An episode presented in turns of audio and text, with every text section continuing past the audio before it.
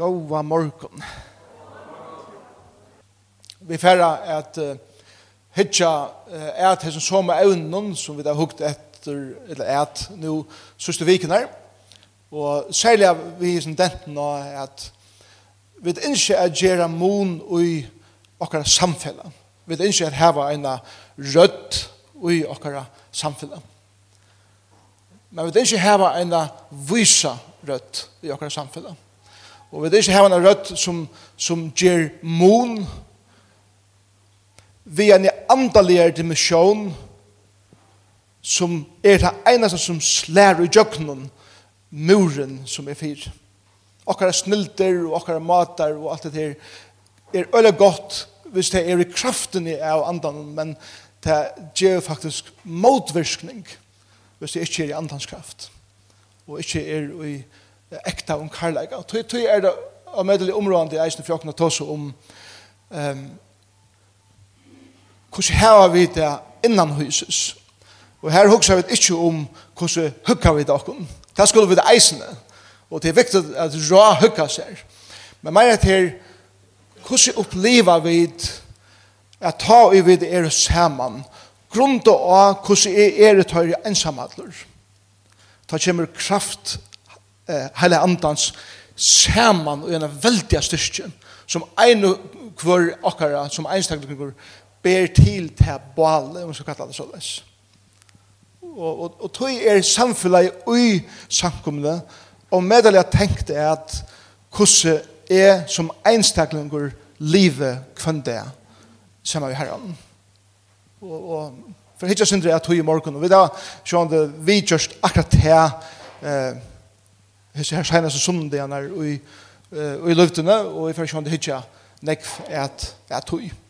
Og så i det er det, for jeg begynner vi å tenke et tøy, det som vi langt har tås om og synder, og kanskje um, djeva nekra luttlar no anser et træd.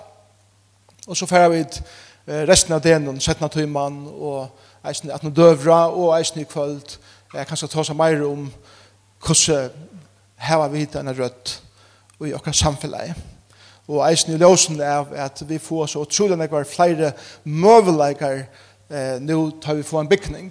At gjerra som nek imes at seg at som, som gjerra okkon eh, paddelen til at eh, kunna bjøve folk inn og, og gjerra mon på øyne nekva matar.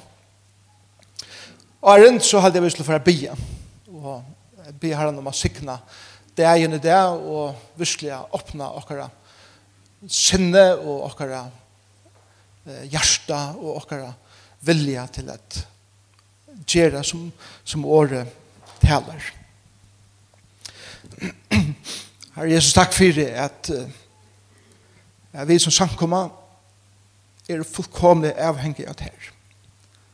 Og vi er avsamlet her i morgen. Takk Og vi da asan eisne, at, eller er man kursi asan sjolvur her, at jeg røyner ofte at gjerra ting, vi min egne kraft, som kunne sutja imponerande ut. Men tar vi veldig hitje at du så gjør det da unga mån. Tror jeg det løytist her, jeg vet at han som kom i tunnare kraft, og vi prøver at jeg gjør det i munnare. Og her er be her om at vi må lære at hitje forboi akkurat til løten at vi røyna gjerra ting og hitje at kvann evian mun gjer hetta i, i løyven som menneskjon her og tog oss vi bare beina vi her at vi liva øyliga stora parst av akkurat løyv i holden om hver vi røyna for akkurat egna navn at gjerra imens ting og vi jotta det her fyrt her i morgen. Og jeg jotta det her fyrt her at er men kan gjøre det her. Og jeg ber her om at tanjottanden skal skapa et liv i mer som er en langsel etter at suttje til større og i mine liv og i akkurat liv som samkommer. Og her det vita vid beie grunda av alt som hender og søvende som hender i skriften Søvende som hender i menneskene opptjøkken kyrkje søvende og søver i menneskens kjøtt, og i mennesken som sitter her i morgen, som har opplevet at to er kommet inn og gjørst underfull ting, vei og ui og i djøkkenen teg, så har vi et vogn. Og vi takker deg for at du ikke bruker oss, og jeg blir her at, om det, at du vil sikne ditt år. Og gjør mer eh, styrke og myndelager, dirvem og eimjukleikam. At tåsa om det som er fyrreikam til, og som, som er vanlig at uh, virkelig en stor pastor er fra det her. Om at her vera det som er etter det, og alt hitt. Om at her bare færre glemsken her. Prys og ære hvert ut navn. Amen. Er du klar? Jeg har her har PowerPoint, kunne du køre det opp, for oss? Jeg vet ikke om du minnast, um, da jeg løvde en byrja, et nek til første årene, så, så brukte jeg rett og nek PowerPoint. Jeg, jeg får fra tog til, jeg følte så rævlig ofte at jeg tala igjen, så, så har jeg fyra et eller annet, og jeg visste at det her sleite for å komme nesten fyrir, men jeg følte som om at anden leit til en annan vei. Så skulle jeg, and, skulle jeg akta andan, eller skulle jeg akta PowerPoint? Og derfor er det PowerPoint. Nei, jeg bruker det, og det er det kanskje sinne mer undervisning, kanskje ikke mer, kanskje ikke nek taling som kanskje eh, gjør sundet, men kanskje mer eh, legendent av, av undervisning. At her er ikke noe bygning rundt kjallutene. Men jeg vet at jeg sitter ikke av mynden her, det er sånn, men det som er fantastisk ved disse mynden her, jeg fann henne uh, i faktisk en e-bok som jeg leser, uh, at det er ein eh, kyrkja i Sorstaden i Amerika som er fullkomliga nyor sliten. Og horen er åtøtt, og benken er fullkomliga eh, oppslittner, og det som er dånd som vi tog i myndene er, er at dette har vært brukt, og, og, og det skal brukast, det skal slutast. Det skal ikke være så funt at man ikke kan røre nekka. om man skal være sted som, som det här kommer kjenner. Men en annan mynd, og det er hentan, kjenner du det her? At her er Van Goghs Starry, The Starry Night.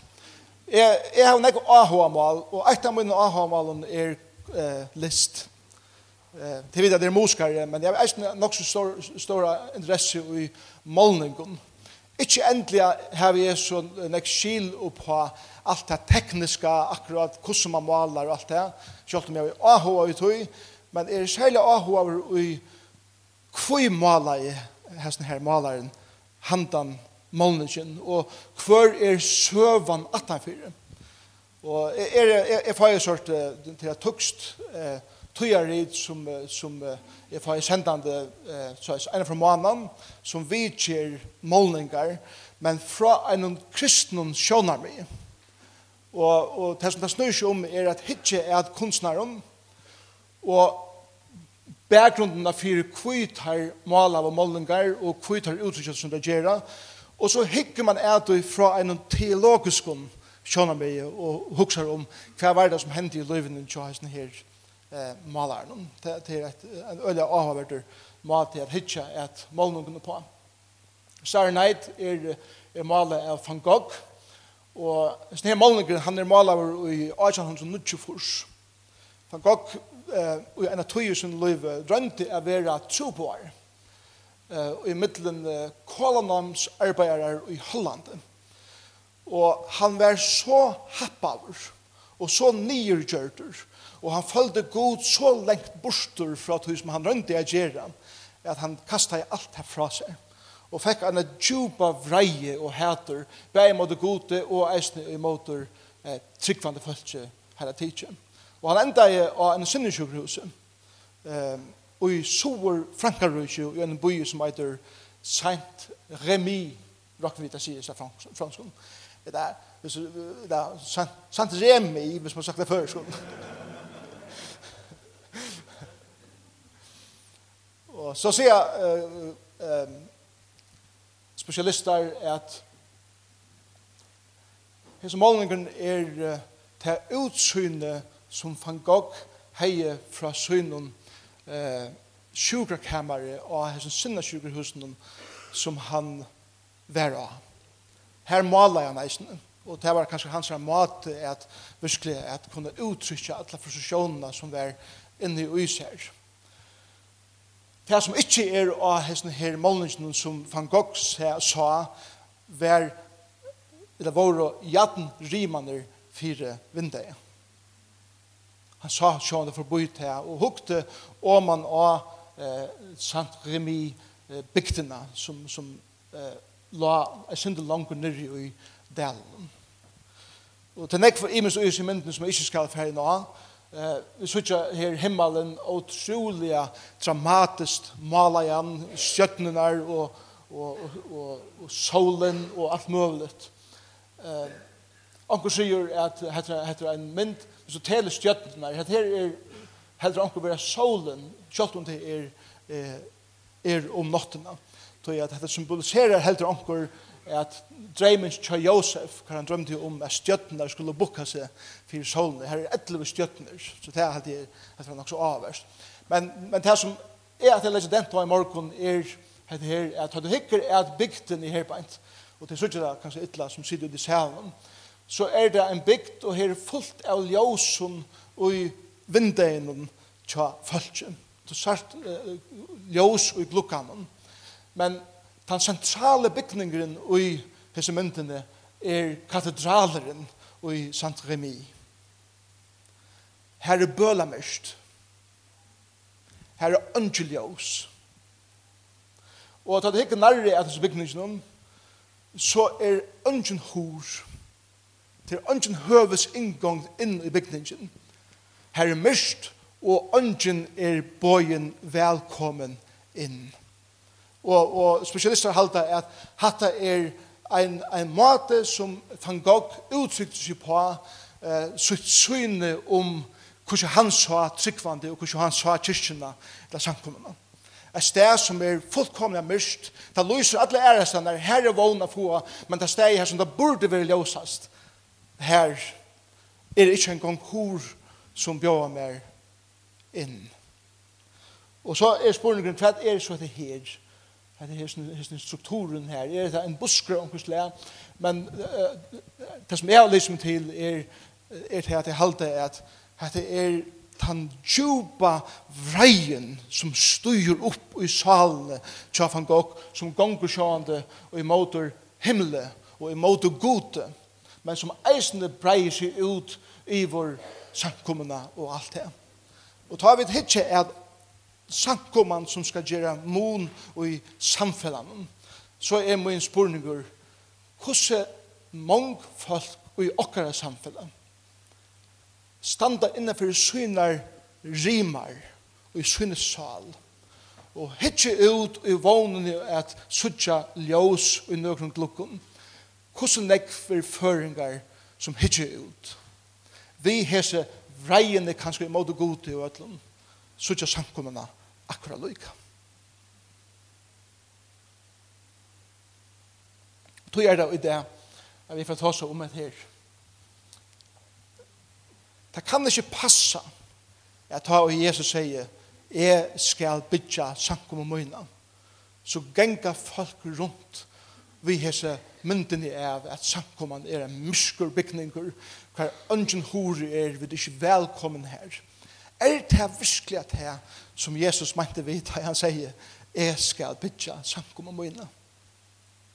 Hva halda dit? Til det er slett ikke samført. Ja, ja men, men, men, men kanskje er det et veldig reelt ting. At, at, men jeg halda ikke at det er han samkommet som Jesus mente vi. Han, han mente vi nega og medelig underfullt og livande ting som Jesus som vi hørte i kjær, og i så fyrir helten av talene som fyrir helten setten i helten var han i kvöld, om kvann mån samkomman, at her skrøypelige tinge vi, vi avmarska av menneskjen som, som Jesus sett i stån hendan dagen i Kisseria Filippi, som bredde seg ut om allan heimen, og tjauer hava rasse og ter fallnar, og er tjauer hava rasse og tar fallnar, og men i jøkna alt av det her er samkomman hever ivelliva allar hessar öldunar. Og det er han sankumann som er innkjømmer pastor av, og som er vågne jeg vet som eh, løvden kunne bliva bevust om at hugsa hattar. Jeg vet ikke, ikke, ikke å være en sankum eller uttrykken som tryggvande som bare utstrålar myrskur og at man ikke er velkommen nær. Men akkurat det øvet. Lyga mykje hvordan jeg mågångt i okra lyvi er kosta hva det kosta vil. Og tann er avgjeren eisene. At tega opp krossen og fylgja Jesus betyr at lyvi snur seg ikkje med og om det skal kosta mer negv. Sjalt mot egna lyv så vil jeg gjeva det.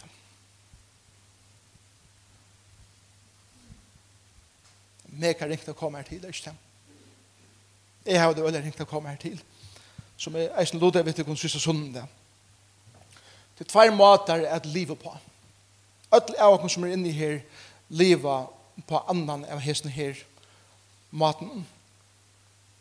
Eit er og jeg tykker at mest flest av oss er som oftast her.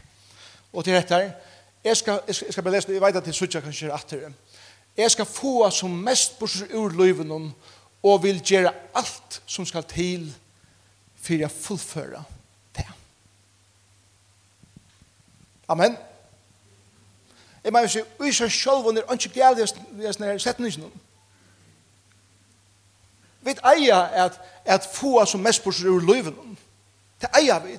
Vi eier at heva mål, vi eier at se dere fire, at virkelig ut innan nek, og få nek på seg ur, og det som vi gjør, gjør vi vi, vi best og dikt er at hus som vi gjør. Vi eier være slik folk. Vi eier gjør okkar arbeid og alt det til, til, til lytar.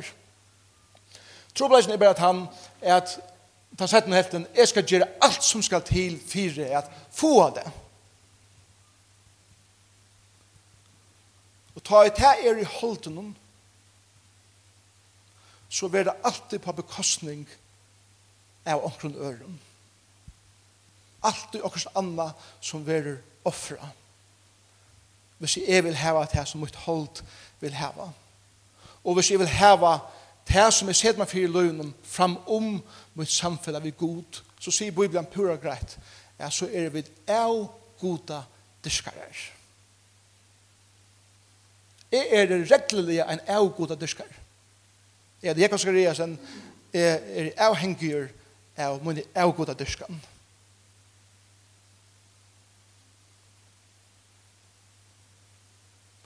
tider av god dyrkar.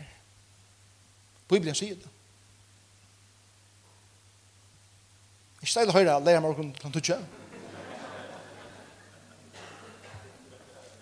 Men så gjør det ta vi sitte år av det ta vi det løst. Jesus sier sannleggen skal gjøre at det kan fruer. Ta jeg sitte år av hver er veldig er det ta i sitt i året av hva det er som er veldig strøyest vi djupt inn i min løyve, og sier sannleggen om det, ta er det første stiget til å være fryer. Fratøy. Og da jeg sier fryer fratøy, så mener ikke vi det at så vil har være løst, og vi omgang strøyest vi det atter. Vi får strøyest vi holder lykke til vi vil dødja. Alla veien. Men som Teresa sier i morgen, vi vil dødja til det kvann det. Atter er det strøyest vi det her, og er djevet atter, og offre det atter til Herren og i det til at det er veldig strøy. Og så er vi kvarst, og da er ikke jeg tikkum, så er det nekv at tikkara løyve som, nekv at tikkum og tikkara løyve som er virkelig beundre. Det er fantastisk mennesker at, jeg fylgja vi, vi kvørst i løyve tikkara, tog at neste setningen er eisende kjønnligur i løyve vi kvørst, og, hest, og til hesten. Er løyte av er god for å djeva meg til som er ikke mer mest og i løyven. Og hva er det det? Det er samfunnet vi god, ikke mennene. Sjalt ikke sikningene som han gjør mer. Og måneren og her som var teksten er han illustrasjonen som brukte sundag, er at hvis vi bare lever etter her som setningen, så er det som jolamæveren, og god blod som jolamæveren, at han er som fitte eh, sjekk-appen som kommer vi først til jeg bruker for honom og gjør meg til gavene som jeg skal heve, for jeg får mitt liv å fungere og så sier jeg bare fint, fært hun bare hvor jeg er For Jesus sier jeg at må ikke være noen jola med over tunne liv og jeg at må ikke bare komme forbi av og at du vil ta av meg, jeg at bare flyte inn til her og jeg at bare bestemme Jeg vet, vi vil ikke flott inn til meg og guttorskøte. Og jeg har sagt, nå skal jeg bestemme her. Han har finnet foten og reven ut av. Men god sier, jeg skal flyte inn til liv, og jeg er alltid mer å bestemme. Og holdt i mer, sier beina ved, hatt det var forferdelig. Men anden, som er enda djupere i mer, sier, hatt det er det beste og intimaste og mest spennende forholdet som til nærkant det første heva i livet løyvenen. Innskjer det ikke det?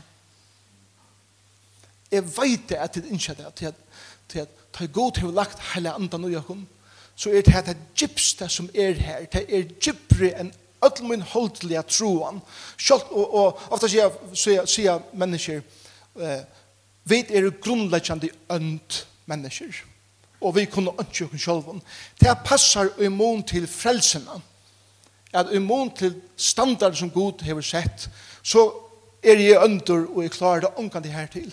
Men den gypste, den innaste kjøttenen i min liv, grunnleggjande, er omedelig heile og god og rein.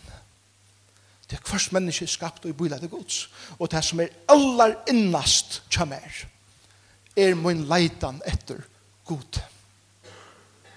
Aller innast. Leitan etter en samfunn vi god. G.K. Chesterton sier det såleis at ein og for mever som leitar inna et bordell leitar ultimativt etter god. Men vi finner det bare i øren tingun vi har som føren skøtjer. Og vi har okkara avgodar. Så vi vågne at få stytla til innan søkra liv. En kære vinner som er, som, som jeg leser med i Amerika, han heter Jamie Smith. Eller han heter James K.A. Smith. Nu er det Dr. James K.A. Smith. Han er akkurat kommet ut i en spiltnåkjærbok. Han er professor av Calvin College eh, i USA. Han, han virter med over i det innenfor den akademiske heimen. Han Akkurat skriva en bok som heter You are what you love. You are what you love.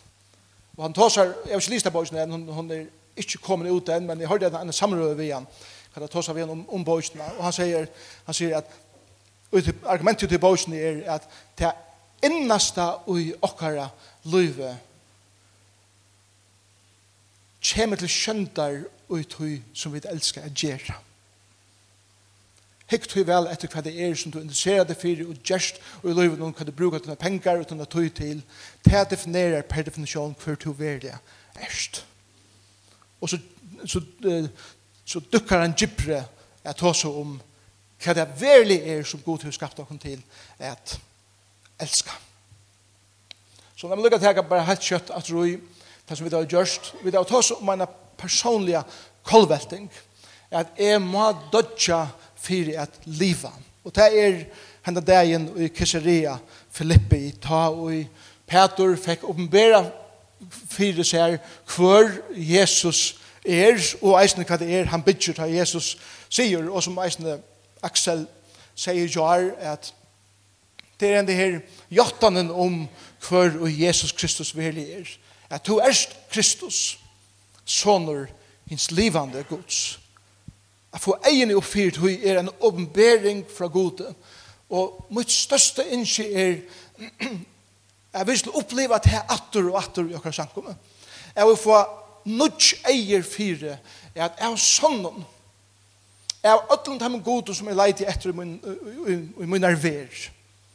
må jeg gjøre at Jesus Kristus sannelig er sånne gods. Og han er ferdig en gang, gang vi har bytja nægget som kommer at livet forboi ølter som færre og rujtjer som, som koma og fatla. Og det er en pastor av. Livande sankoma Jesus er. Man sier eisende, men så må så eisne få vite hvor er her og hva er bygget. Og det er at du må støtja. Vi låser til senast. De leser seg versen 4 i natter til at det som nevnte at jeg gløyma fra 21. verset. Her sier Jesus så eis det 20. verset sier Peter da Jesus har sagt at jeg skal loja God bjerget her Herre aldri skal hette henta til men han vender seg av og sier vi Peter vik at du om med Satan Hatt det er rævlig største uttrykk, ikke det? Men hatta er, halde er, ein tann størsta karlagsgjeren som Jesus gjør til Uløyve Peters.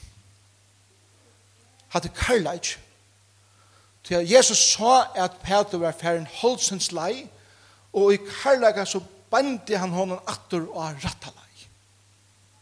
Og han visste at Satan yngste ikke at Jesus skulle nærkende komme bak krossen. Og nu har han brukt det som et ambo at røyna stekka til, Og Jesus talar inn i andaverne her på Og beiner sin kæra lærersvenn som han elskar av retta. Så vi først ta ui Jesus tidsist oppi beheilir i okra livet, så er motivet alltid til at han er så slukan karlaika fyrt her. Gå og elska og brøver og syster fai fai tev inn og hjertet er god til gode atlaner vi akkurat løyve. Og ta etter ta det Guds atlene, så er det ofte i kontrast og motsetning til okkar atlene. Og han beiner okken fra okkar atlene innan søgnar, som mengan er sera innefullt for det mot holdt, som vil sin gamla. Og så sier han,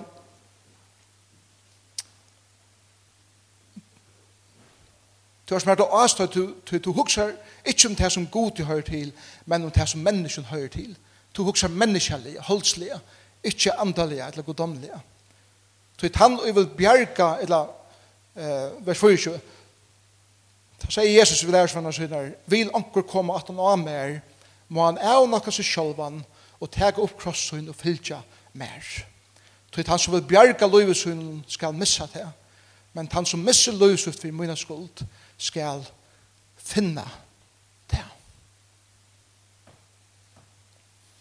Og jeg ofte blir her versene utlagt som om at vi skulle bare blæka alt fra oss og så færa til svartas av Afrika at liva og i nei og elendighet at noa vantrykkende mennesker så er vi ordentlig andalig. Og tyverre i sankum men kan moner gjørter og tro på Aron. Wow, de offrer virkelig når jeg blir herren, og så gjør jeg. Og det gjør han ikke av dem, det er ikke det. Men så får jeg nye akkurat, men, men jeg og i min liv er jo ikke at måte heimen, jeg, kan som så ikke. Men jeg hadde Jesus snakker, snakker ikke om det. Han, han tar seg om det her at hvis du røyner av livet at han fyrre setningen, at jeg skal gjøre alt som jeg skal og mine kraft for å få det som jeg vil hava, så dørst du faktisk. Men hvis du er villig til å sette god fremst og til et innelig samfunn vi han, men stadig ut i samme som du annars gjerst, så får du oppleve en helt nødja dimensjon av tog som du annars gjerst i løyven, som bare han kan gjøre.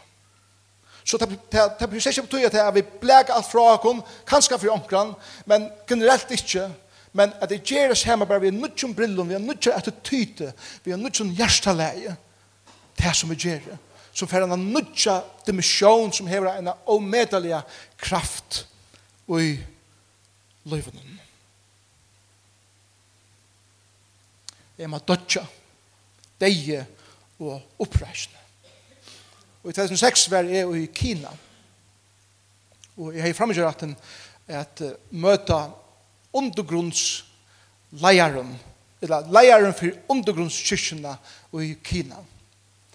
Og her var, her var cirka holdt trus folk at de stevnene som var smukla inn fra Øtlund Kina inn av et hotell som, som var topphemmelig. Og her holdt trus leierne her hadde arbeid for cirka 330.000 eh, kinesiske tryggvant. Jeg, jeg gløyme ungande atter i min løyve, inntrykje som jeg sa i tarra løyve, i tarra nærleika vi god. Bønene tja dem, tarene, råpene tja dem fra hjärsta døypen om at oppliva herran i sin egna løyve. Jottan og råp om fyrirgiving om syndet herra løyve. Løyve hever sett en så kraftig innprint av meg at, at jeg sitter det så klart for meg. Og så kommer vi til vestlendingar typisk i okkara at det tyter hva vi sier vi skal be herran om at verva det dikken og at det skal ikke være slik tøyning i middeldikkere som det er. Og sverre ikke at heimen vær nei, nei, nei, nei, ikke, ikke bia det Vi tar bruk for det gode. Og tar ikke opp for meg at her skjer loja og trolig nek for sånne trygg, rent fysisk og, på nekka måter. Men at livet i Vesterheimen hver materialismen er godren døyver okkur nyr. Og til å medelige trobult er vi en tryggvande i fyrjun og i torshavn og i det her til vi vera døvd av öllum som er noen om okkur. Ikki beinleis tøyning og luying som det er sånn men spræneren av døyvande evnen som døyver okkur nyr og i okkur sjølvsøkne. Det er det som vi slår deia. For jeg levner oppater til det samfunnet ved Jesus. Og det er å sette år av at dette ting som er strøyest vi en av mine favorittlærere av Dallas Theological Seminary, det var nærmere her, var Dr. Pentecost. Jeg har ikke fortalt deg om Dr. Pentecost. Han døde i fjør, 85 år gammel, og han underviste stadvekk av Dallas. Det var kø for jeg slapp inn i klassen av sjånen, til at han var så mye ettertrakt av lærere som tog seg ved en utrolig myndeleika. Og inn i livet kjenn nærmøkene. Eh, av bibelskolen så har man ofte det som man kallar for chapel, og det er kvann det og i vikene så kommer talarer bæge innanfra, men eisen utanfra, at, at tala for nærmøkene til en, til en pastor av, av oppbyggelsene. Hendan dagen, at det var sørste året som er av Dallas. Jeg kjente uh, Pentecost personlig. Og han trakk fram Han var nok så løy til meg over, og da, han ble så gammel at han ble råkna sammen. og, og han får ta seg om da Paulus skriver til Timotheus om å flytja fra ungdomslisten. Og han börjar med å si er jeg med over det som er lengt opp i forskjellen? og er strøyest enn vi ungdomslistene. Og han får i gang til å sette år og akkurat hessen veldig godsmæveren som alt sitt liv har livet sammen vi god struttest vi i sønnen holdt og jeg jeg føler så glad jeg bare også om det hva for inntrykk jeg gjør det av meg. Ikke til at nå skal jeg røyne at være som han, men bare til at det gav meg volden. Jeg vil sikkert det er ikke at bli bedre og bedre inntil at jeg er så perfekt at jeg ikke etter mer. Men jeg vil sikkert det er at jeg er mer og mer bevisst om at jeg er en veldig barde som kan fyre seg inn i mer kvendt det. Og det må jeg deie. Lyga til den dagen er vi lagt ur grøv. Nei da, ta i dødje. Det er en verlig partei. Om mot hold som skal deia skvante. Og vi sier det sånn sånn det er sånn at ofte at hok som andalega partei så leder vi det ui herkleine, og sånn at at boi etter fudgjenden her ut i angstennar. Men fudgjenden er innenfor herkleine. Det største. Og her er det vi strujast. Og her er det at vi er at vi vidt at vi er er at vi er Ta er det tøy, jeg vet det begynt å sitte år av strøye, andalige strøye. Som Jesus sier, hvis du tog for å leve for det sjølvan, så får du ångan at oppleve verlig at leve. Men hvis du dorst for mina skuld, vi tog for ei, jeg kom inn i at nær samfunnet vi med, så først var få en dimensjon av løven, hva det vil si, om jeg så skulle miste alt så er jeg glad for fire med samfunnet med Jesus. Og det er ikke alle månen i livet om tjokk. Og jeg vet vel at har jeg sier det her, så, så sier jeg alligevel hvis smakken i munnen, at det ljøver ordentlig godt. Her er det ljøver godt. Gjør det ikke det? Men jeg sier det vi, ja, men Hvordan er det ut? Jeg får ikke det fædre ut, yes. Hvordan gjør det utødgelig? Og, og hvis jeg vet at han, så jeg legger seg å skrive en bok, og han har sett alle verene, og så er det ødt videre. Men grunnen for at vi nå 2000 år siden stadigvæk tås om det, er tog at det må være noe som er personligt. Men til bedre så gjør skriften noen, noen døme om eh, opplevingar hvordan det ser ut. Nå er det alltid kontekstet i Matteus. Så i kapittel 16, her um, er det i Kisarea Filippi. I Kisarea Filippi ligger noe som norra i landet. Det ligger faktisk ved foten av Hermansfjallet, som er det høgsta fjallet, eh, ikke bare i Israel, men av, ødelen leien her, til av marsjen mellom Syria, Israel og Libanon. Eh, Ødelt her tror landene eier, det er parster av to fjallene. Jesus stendur her beint, og som Johan sier, og Gjørskvalde, det var en trafikera av vever, hver handelskaper og heienskaper eh, møttust og florera i. Her er det Jesus sier, jeg skal bytja samkommene, og i verleikene er og gjerandes løyven og i tog løyven som vi lever her av folk.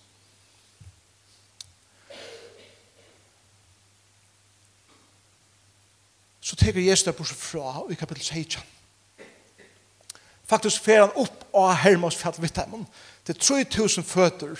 Men ikke akkurat meter det er, men det, det er ikke sånne meter som føtter. Jeg er på toppen av Hermos fjallet. Toppen av Hermos fjallet er alltid kævaklatr. Og vi får, man, man vet ikke om det er Da man er guide i Israel, så kan man omgått sige, det var akkurat her. Men, men det var her allai.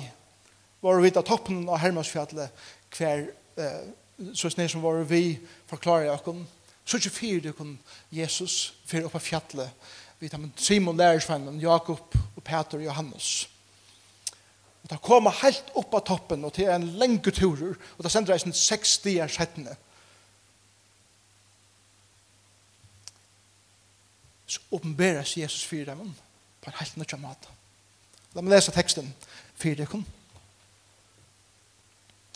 Jeg leser så leis seks dagar etter hettar, tog Jesus Peter, Jakob og bror hans Johannes visser, og får vi teimen nian av høgt fjall.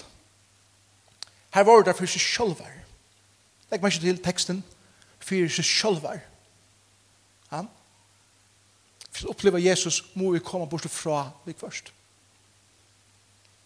Han fikk ta ære utskjønt for teimen nian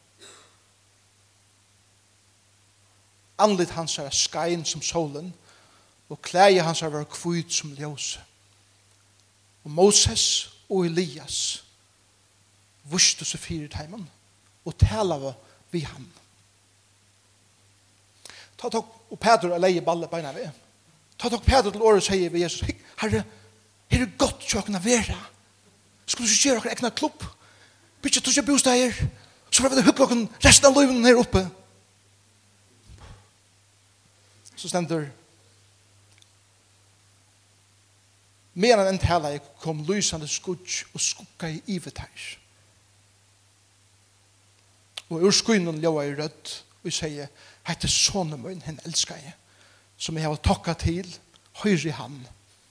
Ta i lærer svann hør du hetta, foteltar nyer og anledsunne, og stårare rasslo.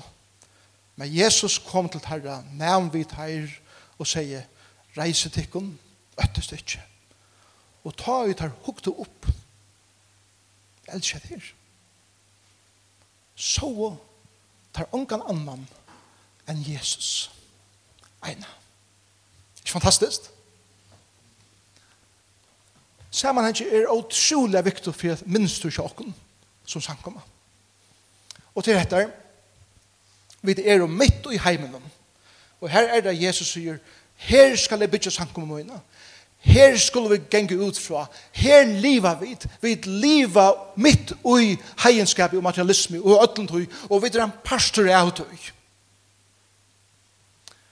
Kapitel 16 teker Jesus tar visser nian av fjall. Og til øyla avverst til fjall, til øyla ofta i skriften så er det antall fjall eller øyemørsk som Jesus teker sitt fall til for at hava en særlig oppleving av sær.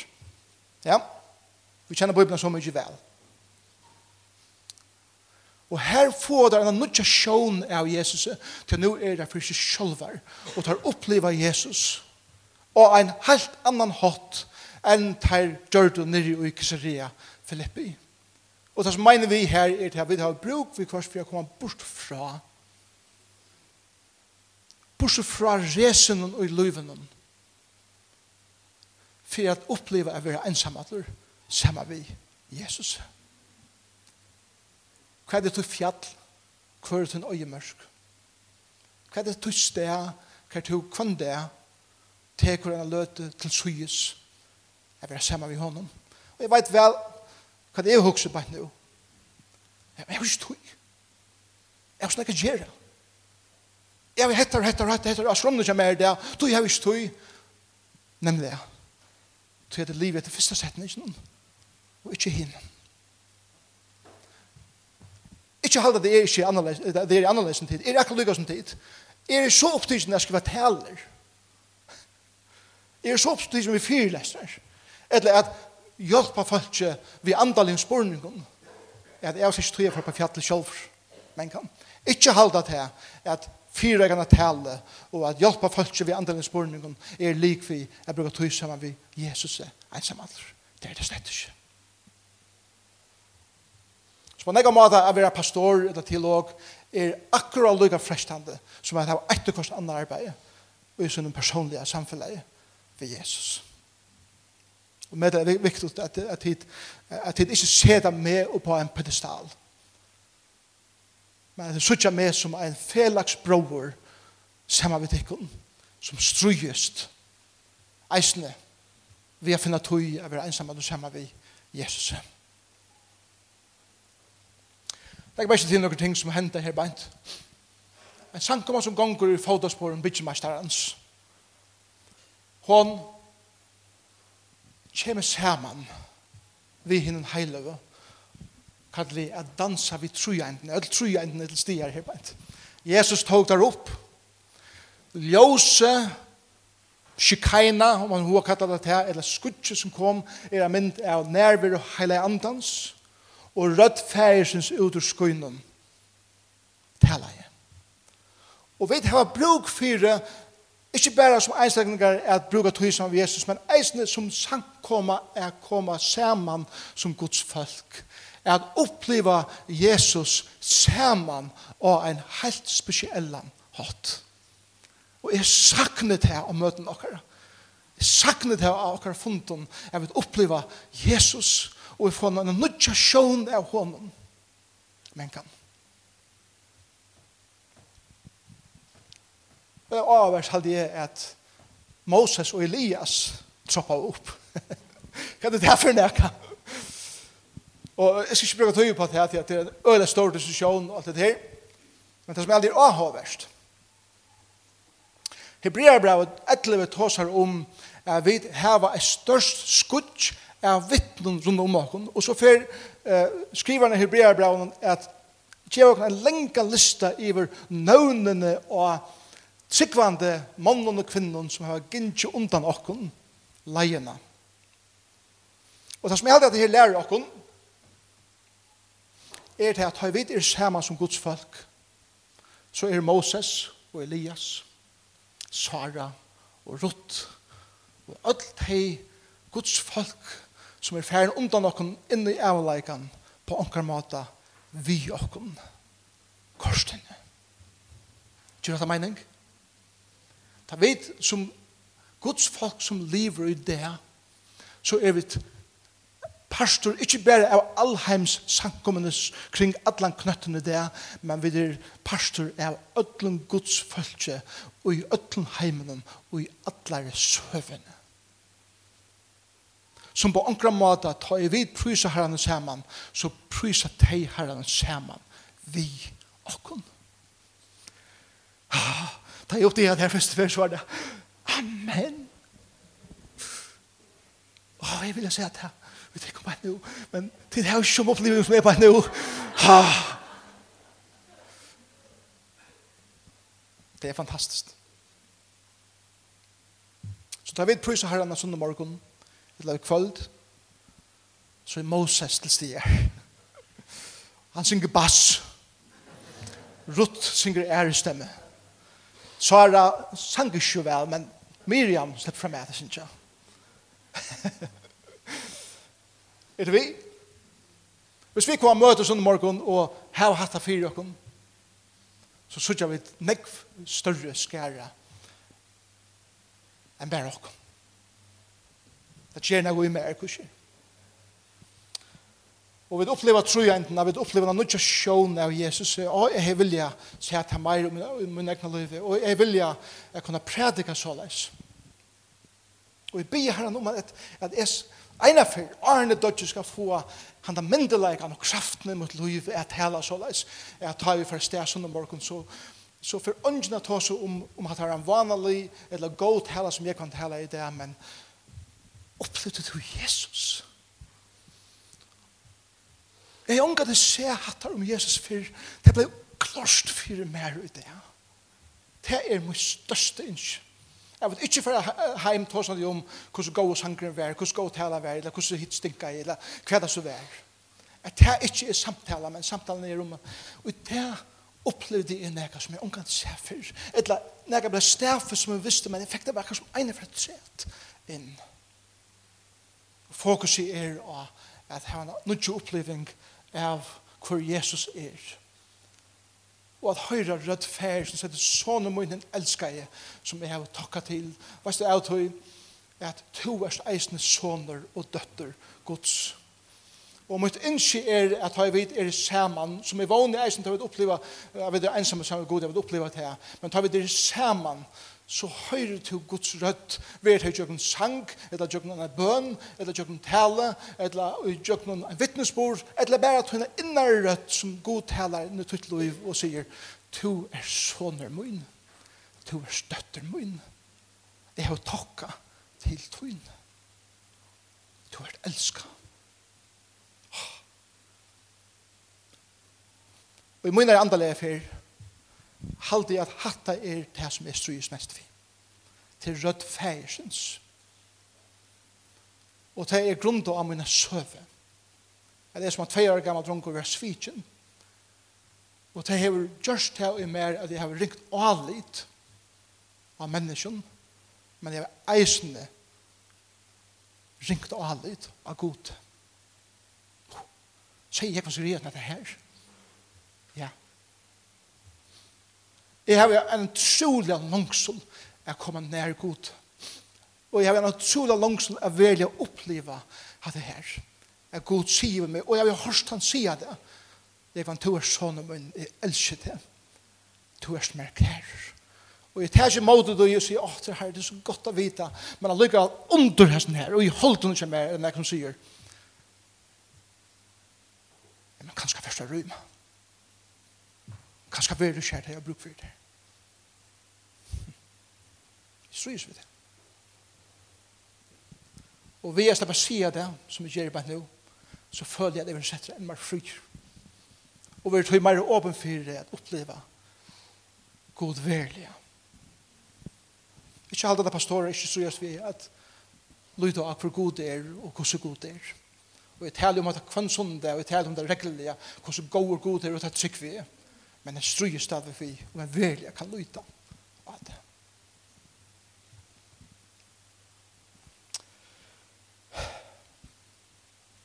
Og så er det at kjenne omfevne Kalle Andans ljøse og skudje kom og omfevne der. At kjenne Kalle Andans nærvær i akkurat liv. Som gjør oss en utrolig fri. Min oppleving av Kalle Andan er først og fremst frier.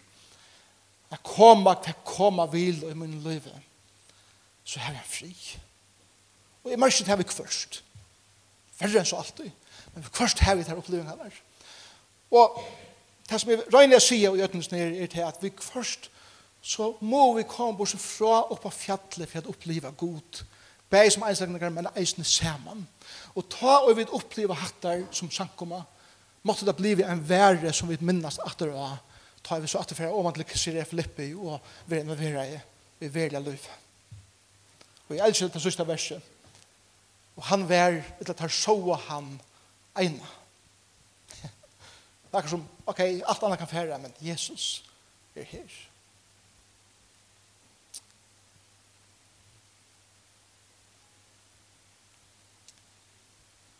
Frien er løyve. Takk at tog. Det minnes at uh, i fjør så får jeg bort fra minnet sitt. Jeg får til Norran. Jeg får på fjøtlene i Norran. Og jeg jeg var øyla trøytter hese tøyne fjør. Jeg er helt en annan mever det enn jeg var hese tøyne fjør. Jeg var øyla utbrenter på en egen måte. Og jeg færre til Rjukan i Norra. Mamma min eier en av Øybo her. Og Øybo ligger så deilig utanfyr byen at, at man, man får spør om han er byen utanfyr her.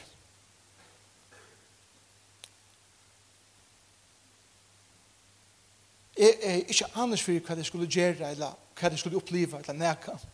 Jeg er unga, jeg er ikke internett, ikke sjånvarsp, og jeg tok bare telefonen hvis jeg ond eller bøttene ringt. Så jeg var, jeg var pure avskåren.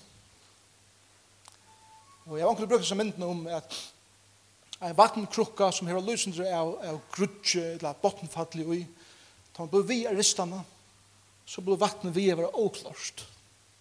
Men da du ser det krukkene fra der, og botten fattler, fettler til gjerrer, så blir det pura klost, noen ting.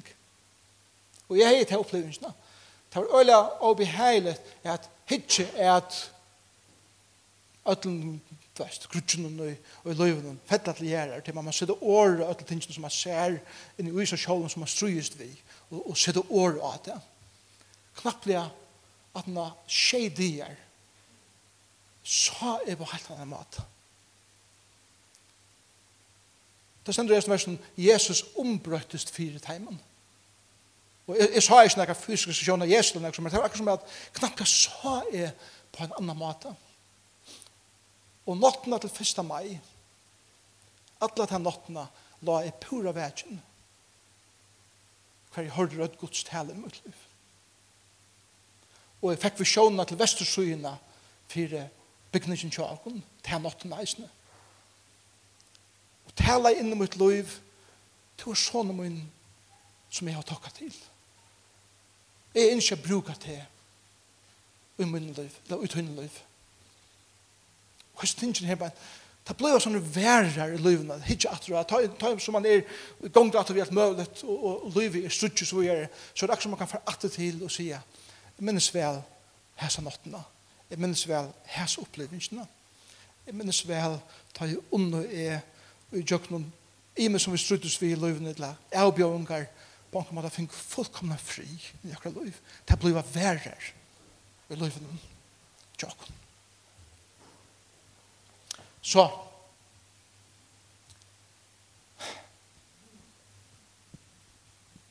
Elkjøsa mentene.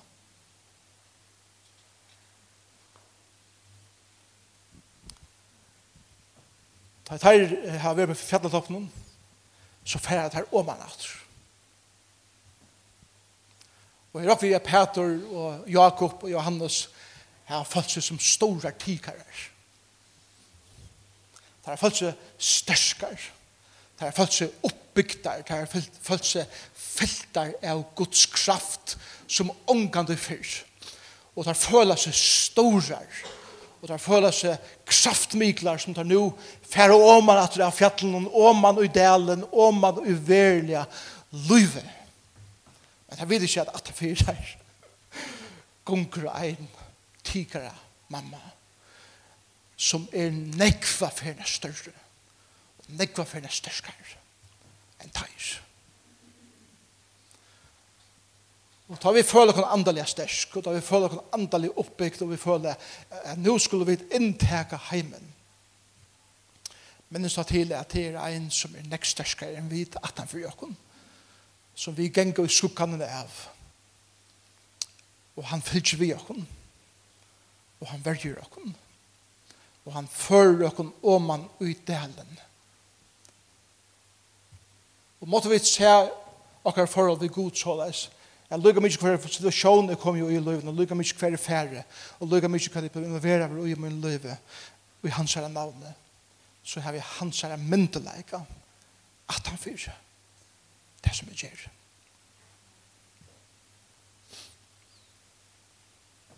Pappen min er en sånn liten tiger. Han fylls vi god til alt sitt liv og han er vere i jøknen, nekve løyven. Knapt ble i jar enda i han fjellmellen. Og vi tar seg, tar seg han om, om fjellbilar og at han bare det han som er i heimen, selv i fjellmilaveien. Så sier han så såleis at at jeg spurte han, hvordan gjør du det? Ja, det er funnet. Sånne ting som at her er små ting. I mån til verlig andalige bardeer som kan fyre seg. i heimen med det. Forsvar er gammel. Yes! Så myndene er av at god konge vi mer. Og så er det vi da er gongt til han. Så tror jeg det Jesus sier bygge og tid skulle få. Leite og tid skulle finne.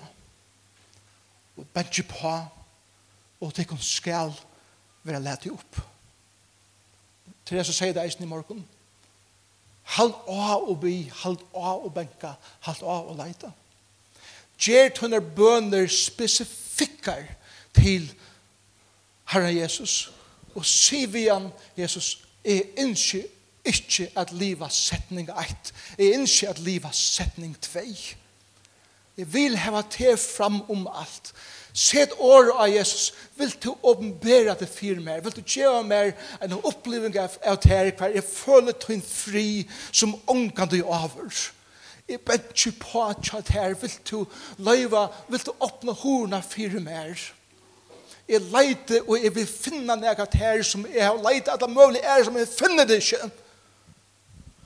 Og åren du var stev, ta et du minst råkna vet du. først du hadde opplevd det. Jesus har ikke sagt det her hvis han ikke mente det. Og jeg sier at det er bedre vi du å sitte år av bardagen i akkurat løyve og om det som sjånene fra hans er atlan i akkurat løyve og vi bia og i tydelig åsen. Det er smager for vi det opplevd det ham. Og i situasjonen som vi aldri råkna vi at her får at henta.